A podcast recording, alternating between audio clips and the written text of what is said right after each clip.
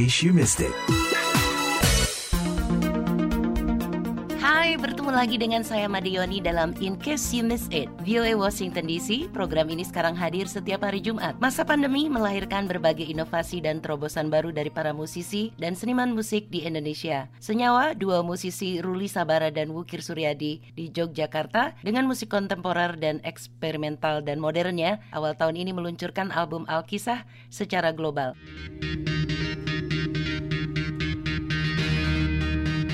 Senyawa berkolaborasi dengan 44 perusahaan rekaman di seluruh dunia, mulai dari Inggris, Jerman, Belanda, Amerika, Tiongkok, sampai Timur Tengah.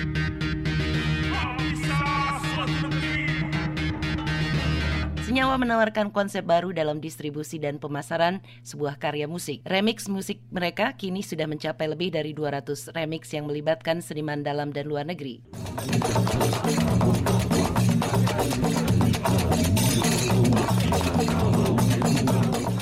Kita akan membahas konsep berbagi hak karya seni bersama Ruli Sabara dan Nur Salim Yadi Anugrah, juga seorang musisi dan komposer asal Pontianak yang karya musiknya sebagaimana senyawa juga kerap ditampilkan di luar negeri. Ada yang bilang senyawa ini avant-garde. Ruli sendiri menempatkan senyawa ini di mana? Senyawa itu ya musik modern. Dia kan musik modern yang dibuat oleh dua pemuda Indonesia, ya Ruli Sabara dan Ukir Suryadi. Kalau Yadi ya. sendiri bagaimana melihat musik senyawa? musik senyawa, musik Indonesia menurut saya gitu. Sangat jeli melihat keindonesiaan dalam musiknya bagaimana menyerap saripati-saripati tradisi, kebaruan, masa kini, kehidupan anak-anak muda zaman sekarang gitu kan. Spirit-spirit musik-musik rock yang didengarkan Mas Ruli, Mas Bukir gitu kan. Dan itu semuanya terfilter jadi musiknya senyawa dan sangat autentik. Bagaimana awal mulanya sampai timbul ide mengajak perusahaan-perusahaan rekaman eh, di seluruh dunia terlibat dalam karya senyawa? Sebenarnya kita uh, pengen melakukan sesuatu yang lebih lebih berdampak di kali ini itu di album ini karena pandemi strategi untuk bertahan hidup sebenarnya. Tetap tetap kita bereksperimen. Eh, eksperimennya tapi kalau 10 tahun terakhir kita bereksperimen dengan mengolah potensi kita sebagai musisi gitu eh, dengan berbicara berbicara dengan bunyi, tapi kali ini eksplorasinya lebih menekankan pada bagaimana jika karya eh, kita melepas sepenuhnya kekuasaan terhadap karya kita sendiri. Karena narasi yang dibangun di albumnya pun sama gitu. Kita ngomongin album ini tentang kekuasaan. Kekuasaan selalu lah yang yang menyebabkan kehancuran apa pun bentuknya meskipun itu baik atau buruk. Ketika kekuasaan dimiliki itu akan mengubah sesuatu, mengubah yang memilikinya, mengubah uh, berdampak terhadap kekuasaan tersebut sehingga hancur gitu. Kemudian uh, kita berteori gitu, bagaimana kalau kita lepas, begitu kita memilikinya langsung dibagi. Belum kita rilis, kita sudah membagikannya ke siapa pun yang ingin, yang berminat juga mendapatkan kekuasaan tersebut, yaitu hak kepemilikan karya, hak untuk mendistribusikannya, hak untuk memproduksinya, hak untuk mengeksploitasinya, hak untuk mengkapitalkannya. Itu kan jadi uh, senyawa sebagai senimannya memiliki posisi yang sama dengan uh, label-label atau uh, uh, yang terlibat. Filosofinya dalam sekali ini dari kekuasaan atas sebuah karya, kepemilikan atas sebuah karya lalu membagikannya kepada orang lain. Bagaimana menurut Yadi? Menurut saya salah satu keunggulan uh, seniman dalam hal yang paling umum gitu kan atau dalam ini dipersempit musisi ya ketika sesuatu terjadi sebenarnya seniman itu paling cepat untuk untuk melihat kejelian peluang untuk berbagi dan segala macam nah senyawa melihat potensi yang sama dengan rencana mereka sangat relevan dengan dengan apa yang terjadi gitu kan di pandemi terutama kadang juga sangat-sangat timpang antara seniman, label, uh, audiens gitu kan. Misalnya kami, saya dari Kalimantan mau piringan hitamnya senyawa harus pesan dari luar gitu kan.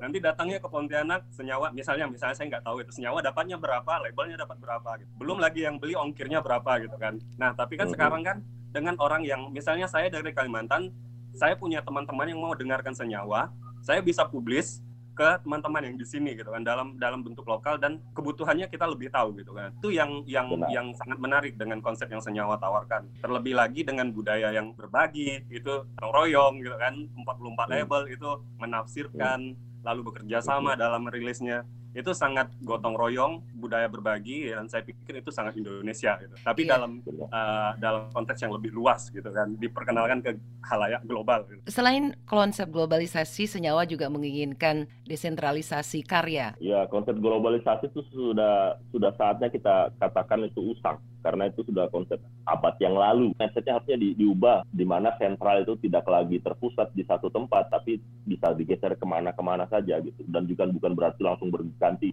pusatnya dulu barat, sekarang timur, bukan itu juga, tapi tidak adanya lagi pusat gitu. Dalam artian informasi ya, dalam artian dalam pendistribusian pendistribusian musik dan juga sumbernya itu jadinya bukan terpusat di senyawa saja bahkan gitu tapi bisa ditarik ke mana-mana sehingga uh, geopolitisnya menjadi tidak relevan gitu. Dan seperti Yadi tadi bilang juga uh, uh, dengan metode seperti ini masing-masing itu yang lebih tahu kebutuhannya. Itu yang paling penting sebenarnya. Karena uh, rilis album di satu label gitu itu sudah ditentukan semua. Dari desainnya dari apanya dari metodenya apa semua itu selalu sama. Jadi orang dari Kalimantan akan nemuin uh, nerima album vinilnya gitu, covernya dibuat dengan rasa Eropa gitu kan. Jadi mereka harus diberi kebebasan penuh untuk menginterpretasi karya tersebut menjadi milik mereka. Uh, itu yang penting terjadi dengan konsep ini. Yadi sendiri bagaimana melihat konsep uh, globalisasi dan desentralisasi dalam karya musik? Tidak ada lagi sentral, tidak ada. Tapi tapi bukan berarti sama sekali nihil berarti seperti itu. Hmm. Hanya kita harus menyamaratakan semua itu. Jadi tidak hanya terkumpul pada satu titik gitu kan. Dan kemudian seleranya dibentuk pada satu titik tempat atau setiap uh, subjek objek gitu. Dia punya informasi, dia punya sesuatu yang layak dapat perhatian terutama dengan dengan era-era internet itu semuanya sangat mudah diakses gitu kan contoh yang sangat konkretnya saat ini adalah dengan metode yang senyawa lakukan dengan teman-teman Alkisah gitu kan. Jadi bagaimana dengan aksi ini kita melihat kita membaca kemudian tindakan-tindakan dari wajah desentralisasi itu sendiri. Nah, mungkin bukan solusi yang ditawarkan tapi tentang pertanyaan kemudian yang yang yang dihasilkan oleh kerja-kerja senyawa dan timnya pada saat ini. Sampai sejauh mana kebebasan yang diberikan untuk recording label ini? Kebebasannya tergantung labelnya maunya apa. Jadi kita tidak memberikan semuanya, apa pun yang mereka mau, tapi dasarnya adalah negosiasi kan, berdasar pada negosiasi. Kita ngasih nih albumnya kita gini, masternya ini, covernya, eh, artworknya seperti ini bisa kalian pilih atau tidak, bisa digunakan atau tidak. Terus eh, apa pun itu, kalau tidak suka dengan masteringnya, bisa kalian master ulang sendiri sesuai dengan yang kalian mau, soundnya juga boleh jadi nanti mereka akan menaruhkan bagaimana kalau gini, kalau gini, gini. Silahkan, pasti akan kami bilang silahkan semua. Jadi tidak ada batasan. Wow. Namanya kekuasaan kan, kalau masih kita atur, kalau masih kita kendalikan gitu, itu akan nggak akan terwujud konsepnya. Jadi bahkan beberapa memang masih ragu. Wah, e, gimana covernya kamu suka nggak? Sebenarnya nggak perlu nanya lagi. Nggak, kita udah nggak ada urusannya dengan desainmu gitu. Itu yeah. desainmu, keputusanmu. R, uh, uh, yang akan meremik dari labelmu juga urusanmu kita nggak peduli mau musiknya jadi pop mau jadi yang bertolak belakang jadi apa itu bukan urusan kita lagi. Itu sudah dilepas secara penuh karena kalau diatur-atur ya pusing juga. Pusing lah. Ngatur 44 label ya bisa. Ya. Lantas bagaimana Senyawa memantau market atau kesuksesan komersial dari kerjasama dengan label-label recording ini? Pakai filosofi yang seperti kulaan aja bawa ke pasar nih siapa yang mau nih kulakan nih gitu kan. Ya udah lepas aja gitu jualnya berapa dan kita nggak akan mahal-mahal banget kan ngambilnya itu kita nggak akan banyak karena kita menjualnya ke banyak orang ya kan. Jadi tetap untung dan sekarang beberapa label sudah sold out. Bahkan Cina contohnya sebelum rilis dia sudah sold out ini. Jakarta terus mana lagi? Sudah banyak yang sold out. Jadi tergantung bagaimana si uh, pelapaknya tadi menjualnya yeah. kan. Jadi dan itu namanya kebebasan ya udah nih barang nih kalian ambil silakan dijual lagi gitu aja kan. Sederhana itu sebenarnya. Tapi uh, kita juga punya support yang lain yaitu kalau dia meremik uh, premik itu sama sekali kita tidak akan uh, ambil keuntungan dari situ. Senyawa tidak ada urusan dengan itu. Yeah. jadi tidak ada batasan mereka bisa nyetak berapa minimal berapa nggak ada. Cuman kita menghindari jangan mencetak terlalu banyak bahkan. Menghindari jangan sampai ada label yang maunya ngambil kamu mencetak dua ribu atau seribu. Enggak, enggak kita mencoba menghindari itu karena kalau begitu uh, kesuksesan proyek ini tergantung sebenarnya pada siapa yang terlibat. Jika ada satu saja, ada label yang jauh lebih besar perusahaan dibanding yang lain, itu akan berbahaya karena dia akan mendominasi pasar. Dia akan mendom dia punya power yang lebih dibanding yang lain itu yang berbahaya. Itu berarti kalau namanya perusahaan besar dia punya akses ke media-media utama ya kan, dia akan punya akses ke distributor besar, dia punya biaya uang untuk bisa membayar distributor besar, namanya distributor besar dia akan masuk ke semua jalur-jalur yang utama sehingga yang lain akan mati kan itu yang bahaya jadi bagaimana Anda melihat konsep ini lalu kita bandingkan dengan kekhawatiran akan hilangnya hak cipta jika suatu saat uh, seniman ini ingin mengklaim karyanya? Kalau saya berkacanya begini, kenapa permasalahan pembajakan itu sangat tinggi di khususnya di Indonesia uh, atau ya secara umumnya di, di Asia Tenggara gitu. Tapi secara spesifiknya di Indonesia atau spesifiknya di tempat saya gitu, bahwa hmm. uh, kita itu sangat tinggi kultur berbaginya gitu kan sharingnya lalu hmm. tapi tidak kuat secara ekonomi secara finansial misalnya gitu kan dalam dalam uh, dalam dalam kacamata hmm. finansial tapi hmm. budaya berbaginya itu tinggi gitu kan dan ini bisa dibawa secara global gitu kan jangan-jangan tawaran seperti itu gitu lagi-lagi saya tidak mau pakai pernyataan mungkin bisa di, uh, jadi pertanyaan kita bersama gitu yeah. kan iya. cara misalnya dari bahasa Mas Ruli bahwa memang orang Indonesia ya ketika punya sesuatu ya bagiin uh, ndak dibayar ya ada rezekinya lah nanti gitu kan. Itu ya, gelus dada.